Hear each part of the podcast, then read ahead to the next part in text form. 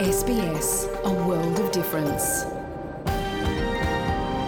You're with SBS Dutch on mobile, online and on radio. Dit is SBS Dutch op mobiel, online en op radio. Graag erkennen wij de traditionele eigenaren en verzorgers van het land van waar we vandaag SBS Dutch uitzenden en uiten we ons respect aan de Camaragal mensen van de Kurungay Nation en hun ouderlingen uit het heden en het verleden. Ook kennen we de traditionele eigenaren van alle Aboriginal en Torres Strait Islander landen van waar u vandaag naar ons programma luistert.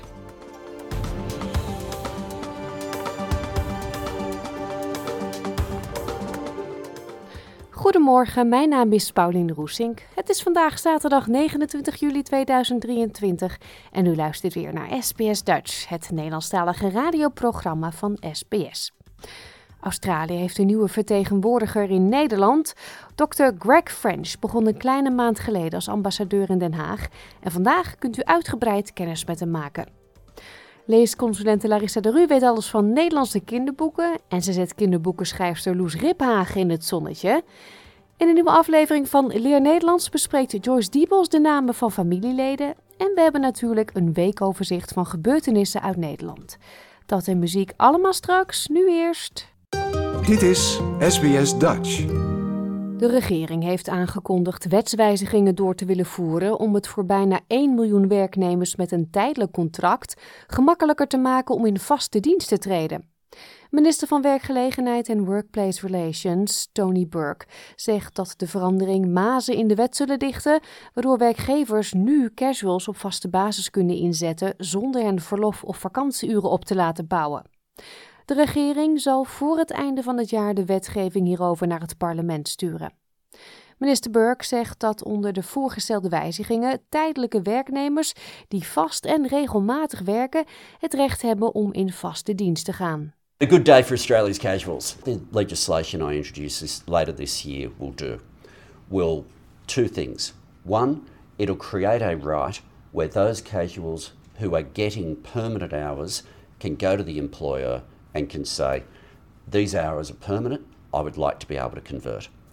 And secondly, we will go to a proper definition of casual to what it was before the coalition government legislated a couple of years ago. De verplichting om alle tijdelijke werknemers na 12 maanden een vaste baan aan te bieden blijft, maar casuals zijn niet verplicht in vaste dienst te gaan en hun casual toeslagen kwijt te raken. Minister Burke zegt dat de voorgestelde wijzigingen effect hebben op ongeveer 850.000 tijdelijke werknemers die regelmatig werken, waardoor ze meer financiële zekerheid en verlofrechten krijgen.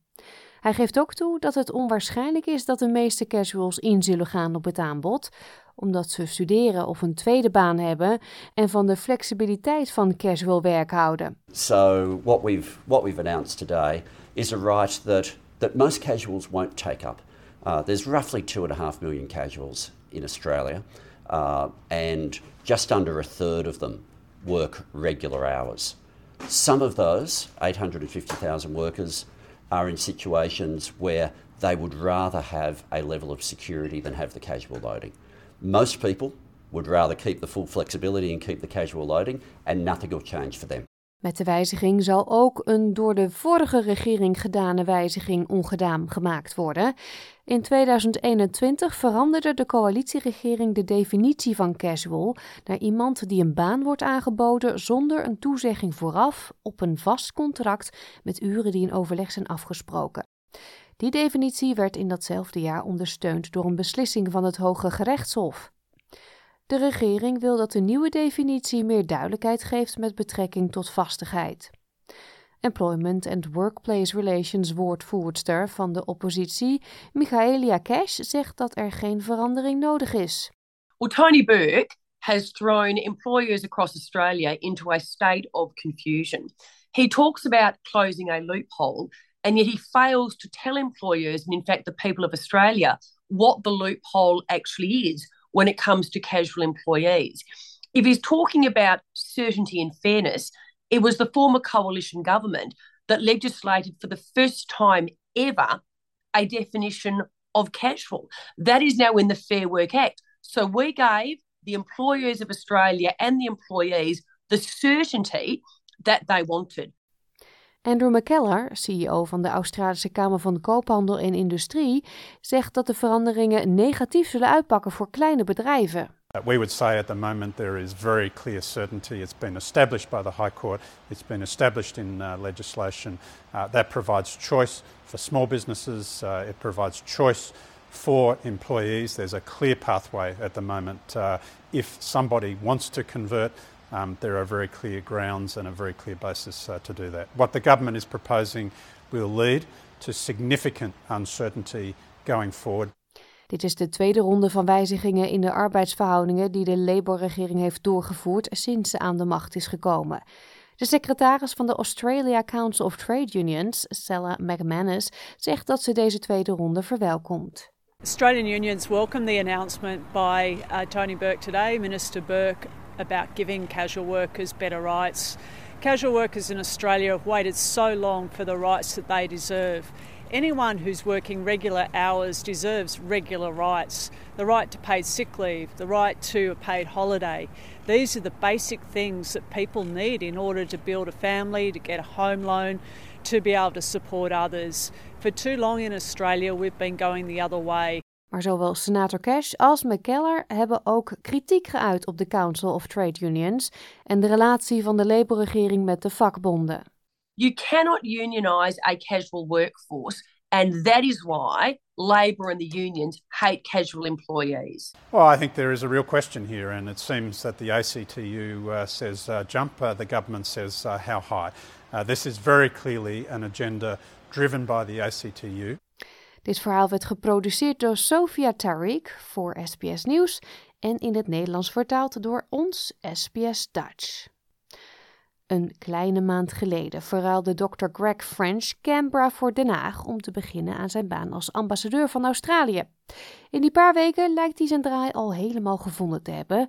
Zo doet hij al heel veel op de fiets, spreekt hij een aardig woordje Nederlands en mocht hij op bezoek bij koning Willem-Alexander.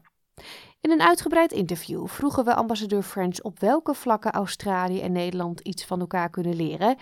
En aan het einde van het gesprek stelden we hem ook voor een paar dilemma's. Jouw gemeenschap, jouw gesprek, SBS Dutch. Ambassador Greg French, uh, thank you so much for making time to speak to SBS Dutch. It's now been, I think, about a month since you arrived in the Netherlands from Canberra to The Hague. Quite a big change, I would say. Have you and your family settled in well? No, thank you very much for the uh, invitation, Pauline, and it's uh, great to have the opportunity to uh, to chat with you. Yes, it's been almost almost a month now since uh, since we arrived in The Hague, and uh, yes, we I think are well settled in. We're very grateful to be here in The Hague and have the opportunity to represent Australia here uh, in The Hague vis a vis the Kingdom of the Netherlands, but of course also with respect to the uh, Organization for the Prohibition of Chemical Weapons, as well as, of course, representing Australia from time to time in, in the International Court of Justice in the International Criminal Court and in the Permanent Court of Arbitration, amongst other things. So, um, a very busy place, but fantastic to be here, a great privilege. And it's a position I've hoped to achieve um, for a number of years. So I'm very, very pleased, and the family as well is very happy to be here. Uh, we're all busy learning Dutch as well. Uh, as we speak, my wife is actually at her, her Dutch course, as is my son. We have a son and a daughter here. Uh, he will be uh, studying um, civil engineering at the TU Delft, which is 100% in Dutch. So uh, very brave. I, I, think, as you say in the Netherlands, uh, he moet heel snel leren. yeah, he will. he will. He will. Yes. Well, this is not your first posting in Europe, right? Uh, you've previously served um, as the Australia ambassador to Italy. What do you like so much about Europe? I'm uh, very pleased to be back here in Europe. Um, uh, have, of course, also served as High Commissioner in Sri Lanka. So our part of the world, the Asia Pacific, is of course incredibly important uh, to Australia. It's our it's our neighbourhood, our home. But yes, I have served. Uh, now this will be my third time serving at an embassy in Europe, and the second time as ambassador.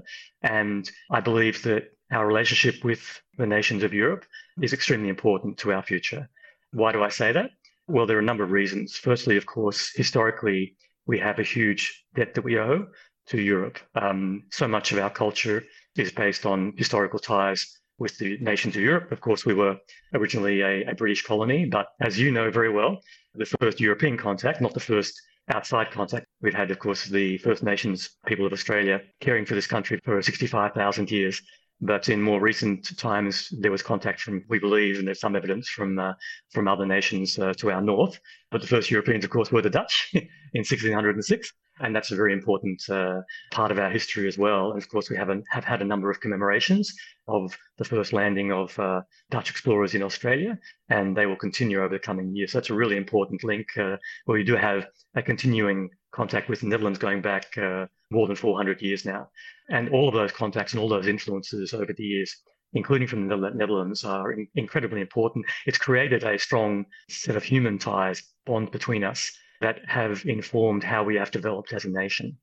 And while we, of course, are our own nation with our own particular identity and our own particular place here in the Indo Pacific region of the world, speaking here in terms of us as Australians, the links that we have historically with Europe have been important throughout our history and are as important now, I believe, as at any time in recent history, because the world has been changing. In many ways, the world has become a more challenging place in which to, to live. And we share a vast range of interests and values with our European friends and partners. Uh, and it has been interesting to see that, I think, politically, geopolitically, but also economically, we have been converging in recent times. The fact that we have seen a rise of uh, authoritarianism in certain parts of the world, which is a challenge in some senses to our way of life, to our firm belief in, in freedom, in individual rights, um, and also in promoting stability, peace, um, and equal rights for all countries, big or small. And in that context, I think we we share our view of the world very closely with our friends in Europe, particularly in the European Union, where, of course, I'm sitting here in The Hague, in the Netherlands, as part of the European Union. And within the European Union, I think it's fair to say that uh, our ties and our worldview is more closely aligned with the Netherlands than, than with um, a number of other countries in the world. And even within the European Union, we see the Netherlands as being one of our most like minded partners there. Mm. Yeah. Uh, the Hague, you mentioned the name of that city, very important internationally. It's your residence now. The embassies Correct. are all yes. there. Yes. But also the Dutch king lives there. In your first week, you had a meeting with him at Paleis Yes. Noordeinde.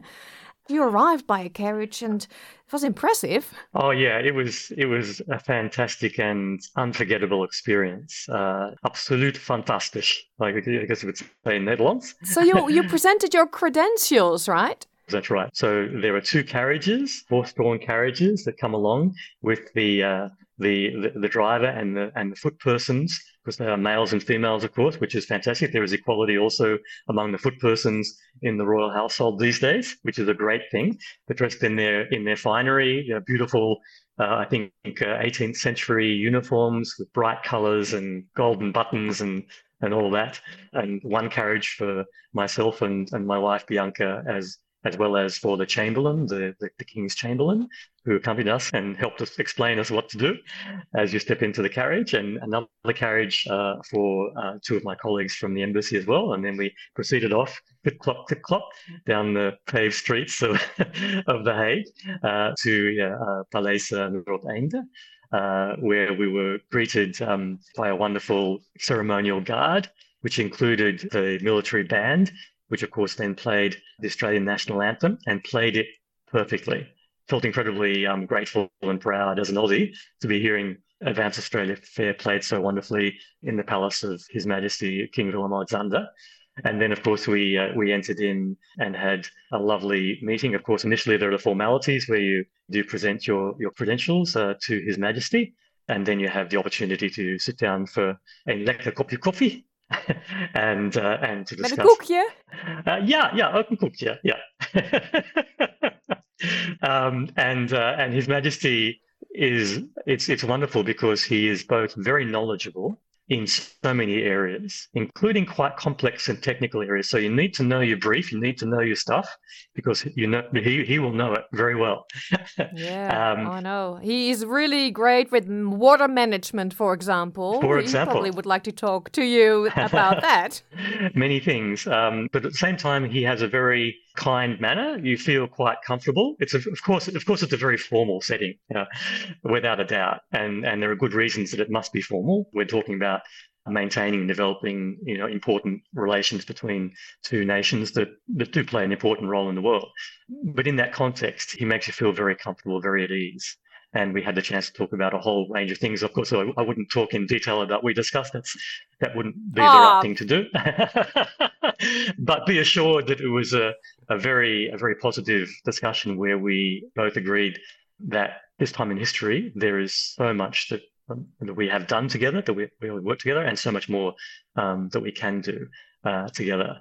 Um, and, uh, yeah, can and you was... give some examples? What can we do? What, for example, what knowledge is present in Australia which could really benefit the Netherlands and the other way around? Yes. Now, I think uh, you already mentioned water, and that, of course, is absolutely a really interesting area of cooperation where we're looking forward. And as you mentioned, of course, His Majesty uh, King Willem Alexander is, is an expert on that area, amongst amongst other areas.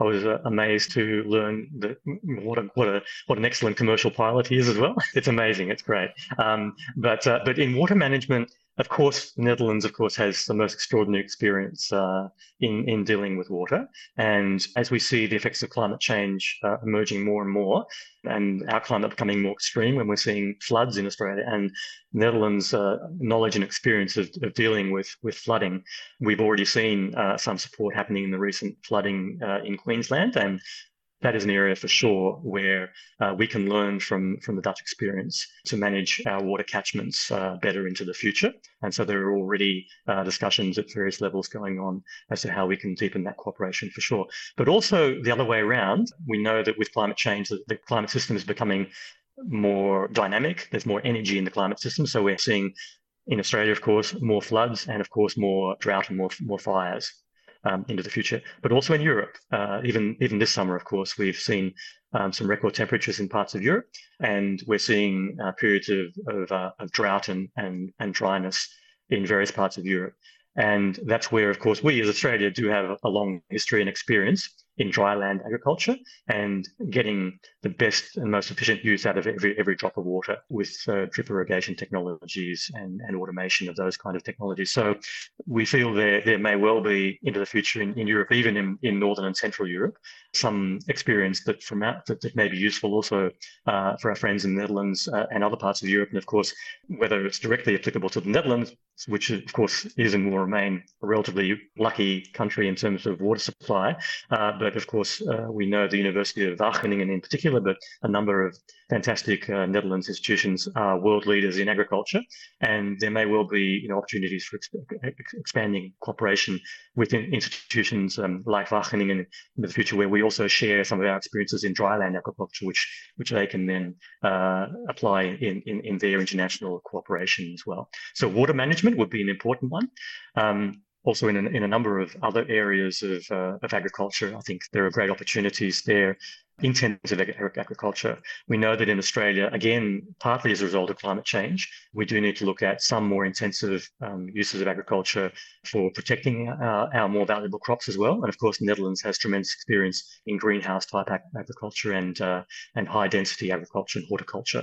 And there, we believe as well that there can be some some useful uh, cooperation um, into the future. And also in terms of uh, innovative financing for, for farmers and agriculture into the future. Na de break zijn we terug met het tweede deel van het gesprek met ambassadeur French.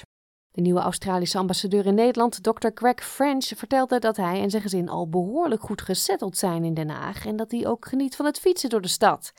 Ook vertelde hij op welke vlakken Australië en Nederland iets voor elkaar kunnen betekenen, zoals watermanagement en landbouw. Hier pakken we het gesprek weer op. Um, I'd say on the global stage as well. uh, as I mentioned, we are seeing the world in very similar terms. So we, we are seeing a, a, stronger bilateral dialogue with the Netherlands about our part of the world, about the Indo-Pacific, and how European Union in general and the Netherlands in particular can continue to c- contribute and build on that that, on that contribution uh, to support um, development, for example, in our part of the world, and how we can coordinate our development work in the Pacific, for example. And we really welcome the fact that the Netherlands developed um, in the last few years a policy approach towards the Indo-Pacific, which recognises the, the, importance of the Indo-Pacific to the Netherlands' uh, interest and European interests um, into the future. So that political dialogue is, is, I think, developing in a really interesting and positive direction, where we are seeing our interests and our perception of the world converging even more closely than in the past. And then on the economic side, the broader economic side, it's really exciting. The Netherlands has always been a fantastic partner for Australia in terms of investing in Australia. And we're incredibly pleased to have very significant Netherlands investment in Australia because the Netherlands is a trusted partner for, for centuries. At the moment, uh, the foreign direct investment from the Netherlands into Australia amounts to about 57 billion Australian dollars. The Netherlands is the biggest European Union investor in foreign direct investment in Australia, more than Germany more than France, more than Italy, more than Spain, uh, which is pretty impressive. But it speaks also to the fact, of course, that the Netherlands has been an extremely effective economic uh, player for centuries and a, and a, source of capital, an exporter of capital to the world for centuries. And, and we benefit from that in, in all sorts of ways, which is fantastic. So we're seeing that investment relationship growing. And part of that story is seeing a lot of really exciting and innovating Netherlands companies setting up in Australia and being able to to share their innovative approaches and technologies with us. Um, and of course, able then to return some of those profits from their activities to the Netherlands, and that's only fair. But of course, the vast bulk of that economic activity is initiated in Australia. It's new economic activity, so it's bringing new jobs and new wealth and prosperity uh, into Australia. So it's very much a win-win. Mm. Um, and I have to say, and of particular priority and importance, what's really exciting and, and I'm very hopeful about is our energy relationship. 25, 30 years ago, uh, people were saying the energy relationship between Australia and Europe and Australia and the Netherlands, it's, it's on the decline. Europe was seeking uh, other sources of energy, particularly North Sea gas, etc. The prospects of any major new energy exchange between Australia and Europe was, was seen as uh, pretty low. But that's, of course, changed radically in the last few years, where now we are seeing the dawn, as we speak, of an incredibly exciting and important new era of energy cooperation between Europe and Australia in general, but particularly between the Netherlands and Australia. Uh, and why is that? It's because the confluence of, of, two things. Firstly, climate change. We, as Australia, of course, um, have now joined the European Union in being in a world leading position in our commitments under the Paris Agreement. We've committed to reduce our um, uh, CO2 and greenhouse gas emissions um, by 43% by, by 2030 and to achieve net zero by 2050. So we're very much aligned with the European Union targets there. And we have put those commitments into law, so they will not change. They, we, we will only get more ambitious as we go on, as is foreseen under the Paris Agreement. And a part of that, of course, or central, central to that is decarbonising our economy. And a critical part of that for the world economy in general, for Australia, and particularly for the European Union, is hydrogen. Because in the European Union and the Netherlands in particular, you will not have enough space to have the renewable energy sources to produce the hydrogen, to produce the electricity, to produce the hydrogen to run uh, this new economy just from inside the Netherlands and inside Europe. So you, you will need, as the Netherlands and Germany and other major economies in Europe will need to import a lot of hydrogen. And of course, we, Australia, have the ambition of being the world's biggest producer of hydrogen into the future. And we have ambitions that we will not only be a major producer and exporter of hydrogen, but we want to diversify our markets and sell this new energy product into a wide range of markets because, and that gets back to the other factor I was, I was, mentioning. The first one is climate change and our commitments there to decarbonize. The second one is changes as a result of uh, the conflict in Ukraine, where we have recognized globally that we needed to diversify markets and sources of energy in particular. And the European Union has recognized that. So I think from the European Union side, and Netherlands, I include Netherlands very strongly in that, I, I view that um, the European Union will need to have a, a range of suppliers for hydrogen into the future. And we as Australia see the need or the desirability of a range of markets to sell that hydrogen into. And absolutely, uh, the Netherlands in particular, as well as countries like Germany, we see as being major markets. Uh, we recently, in January this year, entered into an MOU on hydrogen with the Netherlands. Uh, when our uh, Minister Bowen was over here and signed that MOU with uh, with Minister Jetten from the Netherlands, committing both of us to working very closely to realise the potential of this new energy relationship, which will be so important uh, for both of us into the future and will help us to to reach that ambitious but absolutely necessary goal of, of zero net emissions by 2050. It sounds like you're going to have a couple of uh, very busy years ahead. I think so. I think so. But exciting. And um, despite, uh, of course, all the, the, challenges mentioned, of course, with uh, the war in Ukraine and challenges geopolitically globally, there's tremendous, I think, enthusiasm and hope that we can do a lot of things a lot better than we have in the past it's great to be uh, in, a, in a country like the Netherlands where we do think um, quite in very similar terms. And there I would mention uh, it's not my first time in, in The Hague. I am an international lawyer, uh, studied international law and have practiced international law as Department of Foreign Affairs and Trade for many years. And uh, for example, I did lead our delegation to the International Criminal Court, Assembly of States Parties here in The Hague for a number of years. I was part of our team in the case we brought with regard to whaling in Antarctica in the International Court of Justice a few years ago. And probably most impactful for me personally. I did uh, work on MH17 from the beginning. Um, when that tragedy occurred, I was given 15 minutes to pack my bags and fly to Kiev, where I then negotiated um, a so-called status of forces agreement.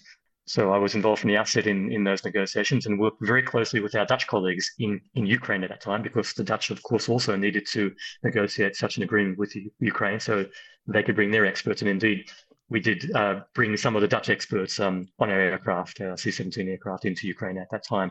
And from then on, for two years, I did work um, coordinating our, our work on accountability for MH17. So I visited The Hague several times during that period um, and became friends with a number of colleagues in the Ministerie for Buitenlandse Zaken at the time. And that is a time I will also certainly never forget. And while it was a terrible, terrible tragedy for both of our nations, which we'll never forget, we often reflected together that if we had to go through such a terrible experience, we couldn't think of a better partner to go through it with than for us, the Netherlands. And, and, and colleagues in the Netherlands, I think, had a similar feeling that we do work well together, particularly when the times are tough and when it really matters. And um, I'll never forget that. And for me, that's been a really helpful basis to then start here um, as ambassador for Australia in, in The Hague. Mm, it feels like you're feeling home in the Netherlands. what do you like the most so far about living there? Nou, uh, we hebben vier fietsen gekoopt. Dat is heel belangrijk. Uh, ik geloof dat dat uh, echt leuk is. Heel mooi.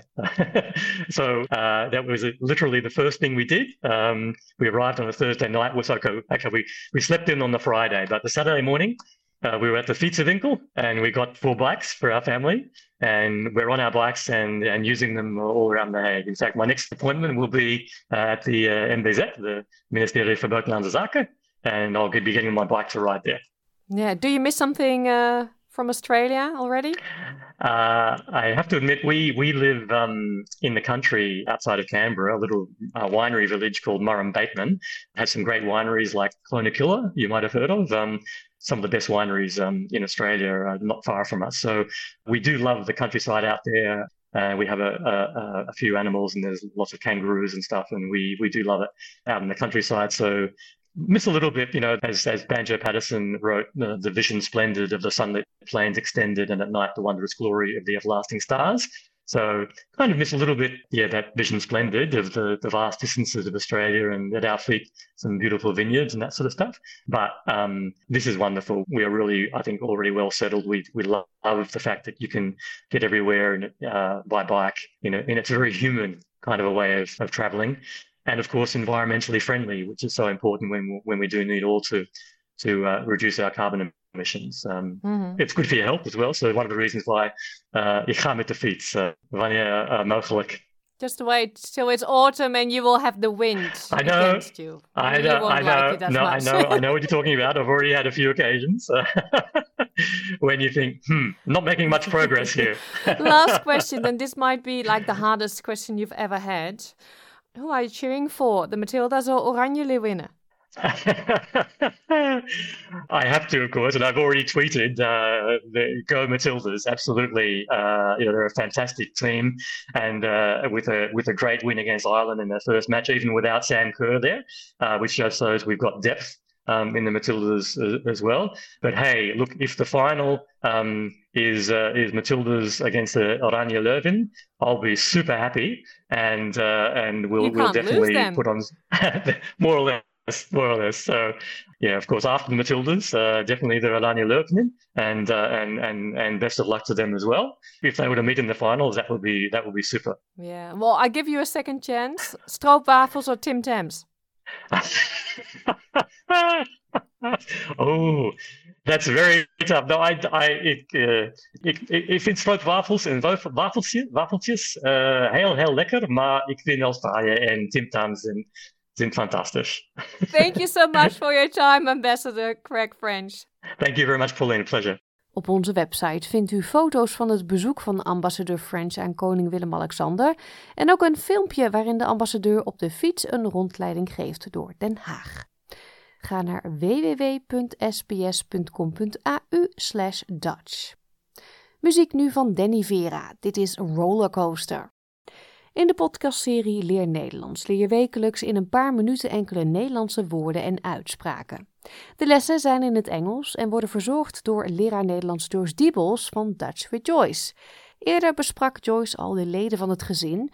Dit keer maak je kennis met andere familieleden.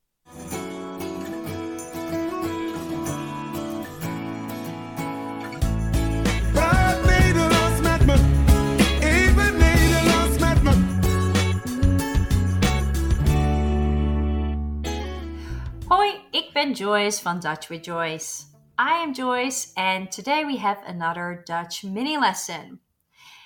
Earlier, we've learned about family members in our gezin. Today, we are learning about other family members in onze familie. We'll be learning about our grandparents, aunties and uncles, and cousins. So let's get right into it.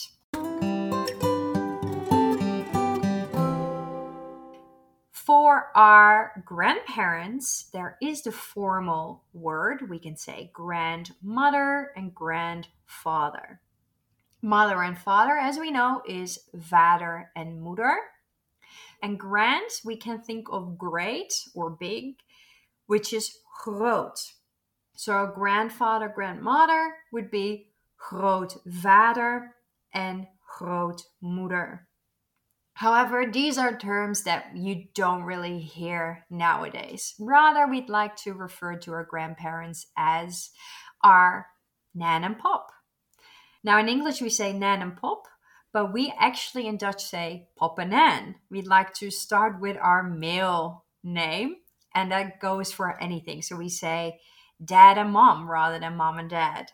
And we say uncle and auntie rather than auntie and uncle. So um, Nan is Oma and Pop is Opa. So you use the first syllable of Papa and Mama and add an O in front of it. So Nan is Oma and Pop is Opa. So Opa and Oma. Those are grandparents, onze grootouders. And ouders are parents, as it has the word out in it, old, because they're like our elders. Let's go into our auntie and uncle. So remember, we say the male version first. So our uncle is oom, literally the shorter version of oma, oom. And auntie is tante, tante. So we get oom and tante. Oom and tante. Lastly, we've got our cousins. So in English, we have cousins, which could either be male and female, and there is nephews and nieces. In Dutch, the words for our cousins and nephews and nieces are the same, but we distinguish our cousins between male and female. So we've got male cousin and nephew, which is neef, very close to nephew, neef, de neef. And we got our female cousin and niece, which is nichtje, nichtje. Nichtje. Nichtje. So we have our neef and nichtje, or if it's plural, neven en nichtjes. Neven en nichtjes. All right, let's put this into practice in a few sentences. If I want to say, I have two aunties and three uncles, we can say, ik heb twee tantes en drie ooms. Repeat after me. Ik heb twee tantes en drie ooms. Ik heb twee tantes en drie ooms. We could say, I see my cousins very often. Ik zie mijn neven en nichtjes heel vaak. Repeat after me. Ik zie mijn neven en nichtjes heel vaak. Ik zie mijn neven en nichtjes heel vaak. So, as you can tell, there's no one word for cousins. We essentially say male and female cousins all together. And last sentence My nan and pop live in the neighborhood. Mijn opa en oma wonen in de buurt. Repeat after me. Mijn opa en oma wonen in de buurt. Mijn opa en oma wonen in de buurt. Heel goed. And remember, we start with our male version first. Keep on practicing, and we'll catch you next time. Doei!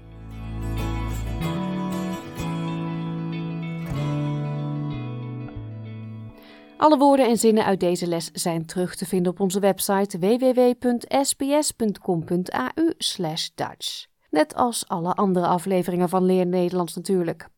Gaan we verder met onze serie De Boekenhut, waarin we maandelijks Nederlandse kinderboeken bespreken met leesconsulente Larissa de Ru, die dit keer graag schrijfster Loes Riphagen in het zonnetje wil zetten. Dutch, woensdag en zaterdag om 11 uur 's ochtends of online op elk gewenst tijdstip.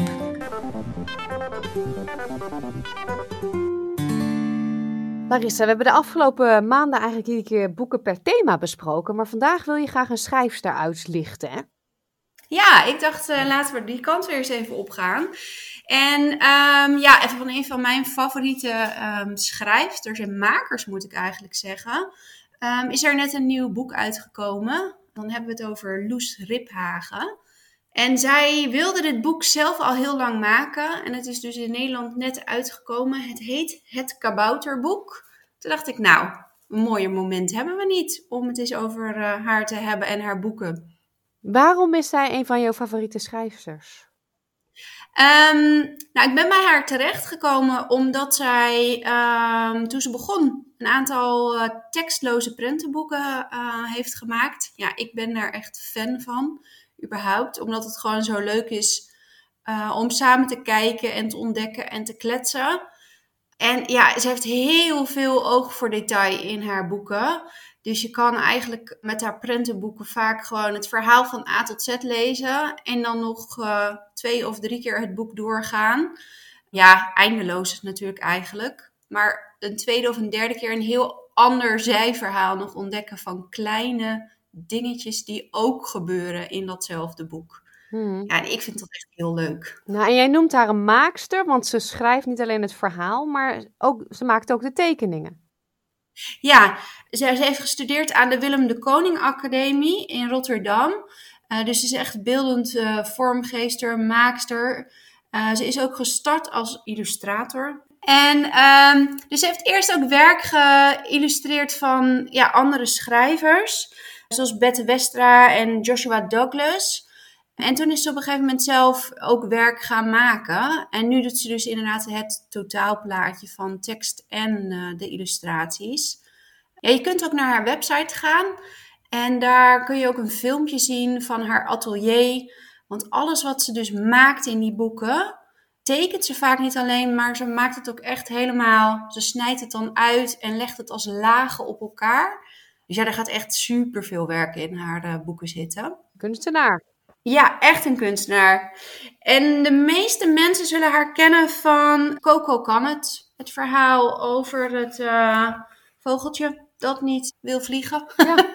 Eigenlijk komt het daarop neer. Hebben we ooit een keer besproken met Madelief, degene die uh, ja, voorganger was eigenlijk. Ja, dat klopt, ja. En want uh, ik denk dat jullie dat toen hebben gedaan omdat het toen het prentenboek van het jaar was. Ja. En ja, veel mensen kennen haar daar dus van, omdat er natuurlijk altijd heel veel aandacht uh, aan wordt uh, besteed. Maar ja, ze krijgt dus ook ja, wereldwijd eigenlijk heel veel aandacht.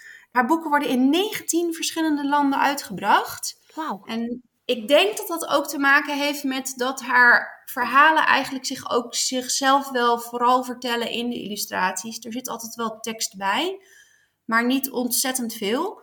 Uh, en dat uh, ja, een beetje wereldtaal. Uh, bijvoorbeeld in Japan, Portugal, maar ook in Colombia, Amerika. Geen Australië heb ik kunnen vinden in het lijstje. Potjan Dikkie. Ja, sorry. We zullen de uitgever dus bellen. Waarom niet? Ja. Misschien kunnen we een actie starten. Nee, het zijn vrolijke en eigenwijze tekeningen ook, met dus heel veel details erin. En ik heb er even twee uitgezocht van het best wel lange lijstje dat er ondertussen is. En als eerste wilde ik het hebben over de Kom mee Kees. Het verhaal gaat over twee kikkers. Papa kikker en kindje kikker zijn het. Nou ja, het begint een beetje met een kikkerkind dat zich verveelt. De vader zit, ja, ik vind dat heel grappig dus te lezen uit uh, Coco kan het. En dan komt er post. En het blijkt dus uh, dat ze uitgenodigd zijn voor een kwaakconcert. Maar de post heeft er nogal lang over gedaan. Moet je ook maar even kijken in het boek waarom dat is, dat de post er lang over heeft gedaan. Daar zit meteen al een grapje in. En dus eigenlijk is dat concert diezelfde middag nog. Dus ze moeten onderweg naar het concert. En vader heeft dus haast en nog meer haast. En de kleine kikker, die ziet allemaal mooie dingen onderweg. Die heeft alles behalve haast. Wil alles ontdekken. Mooie torretjes en kevertjes. Dus dat wordt een beetje een ding van kom nou, schiet nou op. Ik denk voor heel veel mensen behoorlijk herkenbaar. En dat kind dat ziet allerlei mooie dingen onderweg. En halverwege gebeurt er dus iets waardoor er eigenlijk blijkt dat het goed is om tijdens de reis ergens naartoe heel goed te blijven opletten. Ik ga nog niet verklappen wat dat is. En dan krijgt die vader ineens door: hey, het gaat om veel meer dan alleen bij punt Z te komen. Nou, als ik het zo vertel, lijkt het wel heel erg met een boodschap. En die boodschap zit er ook echt wel in. Maar niet als je met je kind het boek aan het doorkijken bent. Dan is het gewoon een heel grappig verhaal. Maar als ouder denk je, oh, hmm, hier kan ik wat van leren. Ik denk dat het voor de ouder meer aankomt inderdaad dan, uh, dan voor het kind. of ze daar ook echt een doelbewuste boodschap mee heeft gehad, laten we dan maar even in het midden. Maar uh, ja, het is ontzettend leuk boek om uh, door te lezen. En het gaat ook heel erg over hoe je de natuur beleeft. En wat je daar allemaal van kan leren en in kan zien. Dus ik weet dat het in veel uh, Nederlandse klassen gebruikt wordt om ook een thema over natuur en ja, de schatten van de natuur te beginnen. dus dat is wel een hele leuke ingang ook. Ja, en verder, ja, de, de illustraties zijn gewoon groot over twee bladzijden heen. En uh, ja, het gaat vooral ook wel heel erg over zoeken, vinden, samen kijken. Dus hij is, uh, hij is echt een aanrader. En dan had je natuurlijk nog over een heel nieuw boek van haar. Ja, het meest recente, het Kabouterboek. En dat is eigenlijk een boek uh, niet zozeer, vind ik, met een verhaal.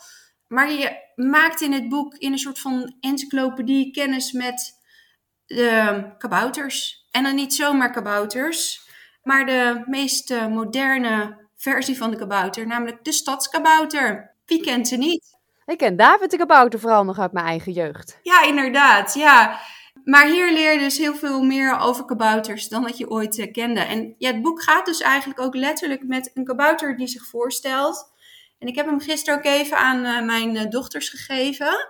En die liet hem eerst even een beetje links liggen. Maar toen ze hem eenmaal opengeslagen hadden, ontstond er op de achterbank ruzie wie het boek nu in zijn handen mocht hebben. Leuk. Ja, ik vind dat altijd wel een goed uh, teken.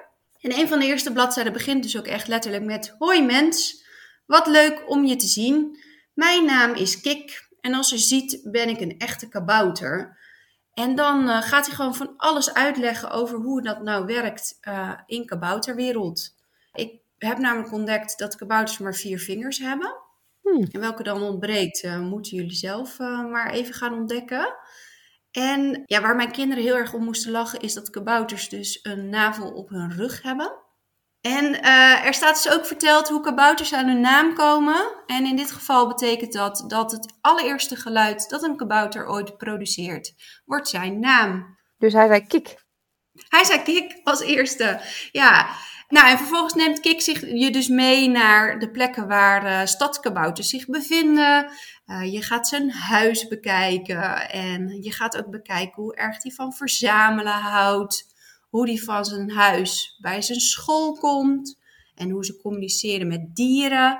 Ja, en daar komt dat element ook wel weer heel erg terug. Het samen kijken naar details en de liefde voor de natuur zit er gewoon ook weer heel erg in. Hoewel ze dus toch allemaal in die stad zitten, maar waar de natuur er daar dan ook in zit.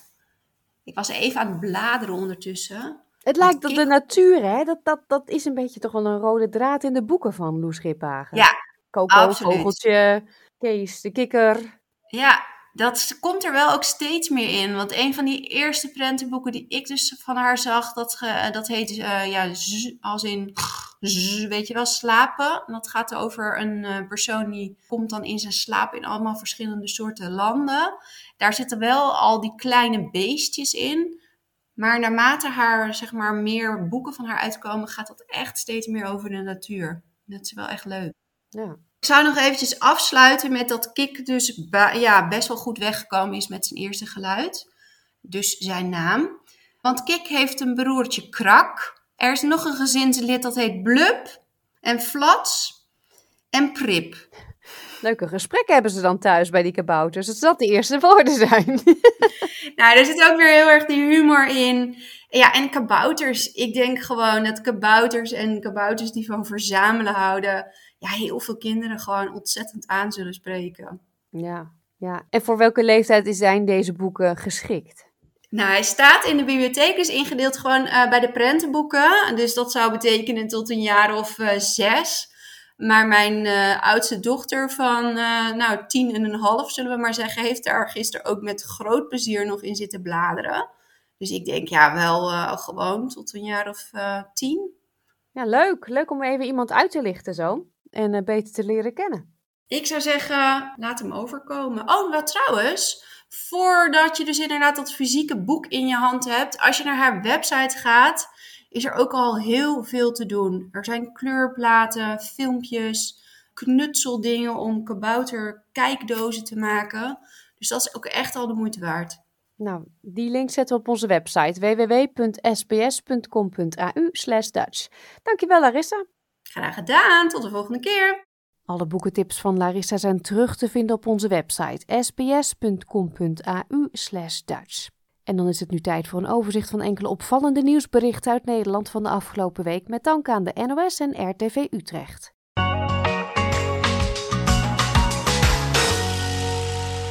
Voor het eerst in 26 jaar tijd heeft de winnaar van de Tour de France meegereden in de ronde van Boksmeer, die traditiegetrouw een paar dagen na de Tour verreden wordt.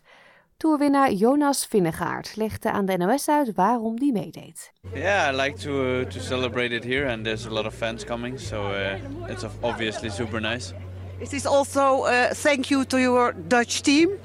Yes, for sure. It's uh, nice to, to be here in Holland. To uh, yeah, it's a Dutch team and uh, yeah, it's nice to be here. Het is volop zomervakantie in Nederland en kamperen in eigen land wordt steeds populairder en duurder. Want vooral glamping en luxe huisjes zijn in trek. Deze camping-eigenaar vertelt over de luxe op haar camping. Een eigen badkamer met uh, nou ja, je eigen voorziening op je eigen plek. Uh, we hebben uh, vaatwassers in het toiletgebouw staan, dat je ook niet meer met de hand af en toe hoeft te wassen. Dan kun je zeggen dat is nostalgisch, dat is heel leuk. Dat is ook zo. Maar um, nou ja, niet afwassen met de kinderen betekent wel uh, een potje badminton of voetballen met de kinderen. En dat is ook hartstikke leuk om te doen. Op de Noordzee, zo'n 30 kilometer ten noorden van Ameland, heeft een grote brand gewoed op een vrachtschip. Eén opvarende kwam daarbij om het leven en ook raakte een aantal anderen gewond, zo meldde de kustwacht. U hoort Willard Molenaar, schipper van de Koninklijke Nederlandse Reddingsmaatschappij, die als een van de eerste aanwezigen was. Dikke rookpluimen bovenop het schip. En uh, er was ook iemand uh, nou, die achterom naar ons stond te zijn met een lampje. En die is in het water gesprongen en die hebben we samen met, uh, met de berger Noordgat van de Schelling hebben die eruit gehaald. Toen breidde die brand zich ja, wel heel erg snel uit. En eigenlijk uh, kwam iedereen wel tot de conclusie dat uh, de rest van de opvarenden die zaten bovenop de brug, dat die uh, ja, er eigenlijk ook zo snel mogelijk af moesten. Een tegenvaller voor de provincie Utrecht. Het langste zonnepanelenfietspad ter wereld in Maartensdijk levert namelijk veel minder energie op dan gehoopt. RTV Utrecht sprak als eerste met gedeputeerde Arno Schadelee en daarna ook duurzaamheidsspecialist Thijs ten Brink. 10% van al onze provinciale verlichting kunnen wij opwekken met dit zonnefietspad. Dat is ongeveer eh, een kwart van wat er beoogd was. Het was het idee dat er ongeveer voor 40 uh, eh, huishoudens energie zou opgewekt worden, elektriciteit. En dat is uh, elektriciteit voor 10 huishoudens geworden, dus dat valt best tegen. Tot zover dit willekeurige weekoverzicht van deze week. Dit keer maar dank aan de NOS en RTV Utrecht. Met dit willekeurige weekoverzicht komen we alweer aan het einde van deze uitzending van SBS Dutch. Op onze website www.sbs.com.au Dutch kunt u alles nog een keer op uw gemakje terugluisteren of onze podcastseries ontdekken. Dat kan trouwens ook via de SBS Audio app. Deze is te downloaden in de Apple Store en Google Play, helemaal gratis en voor niets. We sluiten dit uur af met Hartslag van Rut Jacot. Ik wens u een heel fijn weekend. Dag! Like, deel, geef je reactie. Volg SBS Dutch op Facebook.